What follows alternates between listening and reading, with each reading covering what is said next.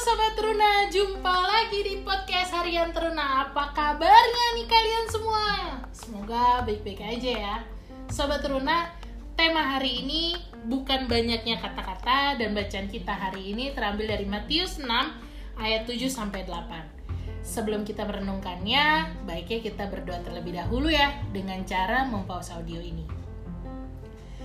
Siapa yang di sini waktu ibadah online sering banget menolak atau tidak mau ditunjuk kalau suruh bertugas doa.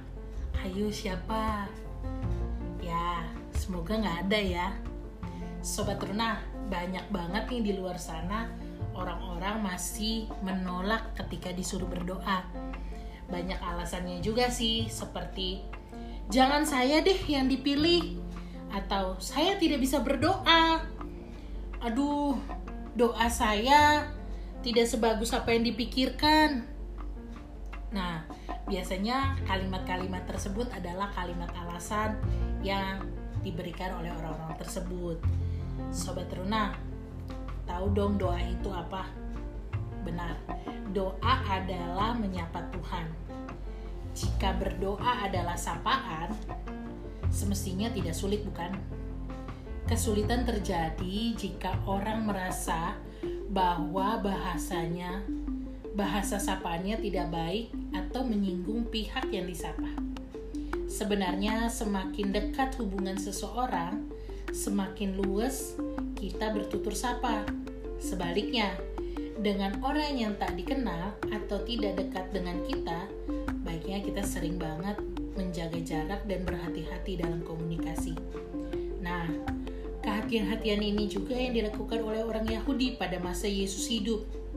Mereka menyusun kata-kata doa sedemikian rupa agar indah terdengar dan tertata rapi.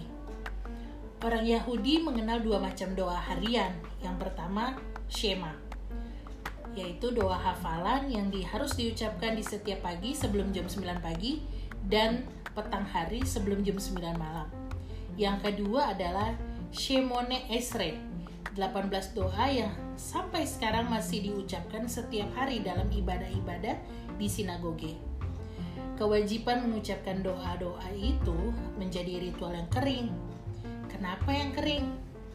Karena doa-doa tersebut hanya dilakukan dengan motivasi terselubung yaitu agar terlihat secara agamis atau menjadi orang saleh. Sobat teruna, seharusnya kita jangan demikian ya. Tentunya kita harus tahu bahwa doa adalah alat komunikasi kita bersama Tuhan dan menyampaikan isi hati kita kepadanya. Dengan baca Alkitab, Tuhan pun menyapa dan menyampaikan isi hatinya kepada kita.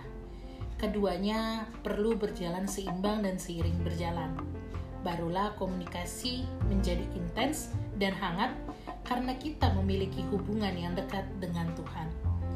Mari Sobat Teruna, kita tekun membaca dan merenungkan firman Tuhan dalam Alkitab, serta rajin berdoa. Ingat, berdoa bukan hal tentang bagusnya atau banyaknya kata-kata. Betul? Dan berdoa itu Tuhan tidak akan pernah menilai mana yang lebih baik dan mana yang lebih buruk. So, jangan lupa berdoa untuk memulai hari dan jangan lupa bersyukur lewat doa setelah menyelesaikan harinya. Tuhan Yesus berkati. See you.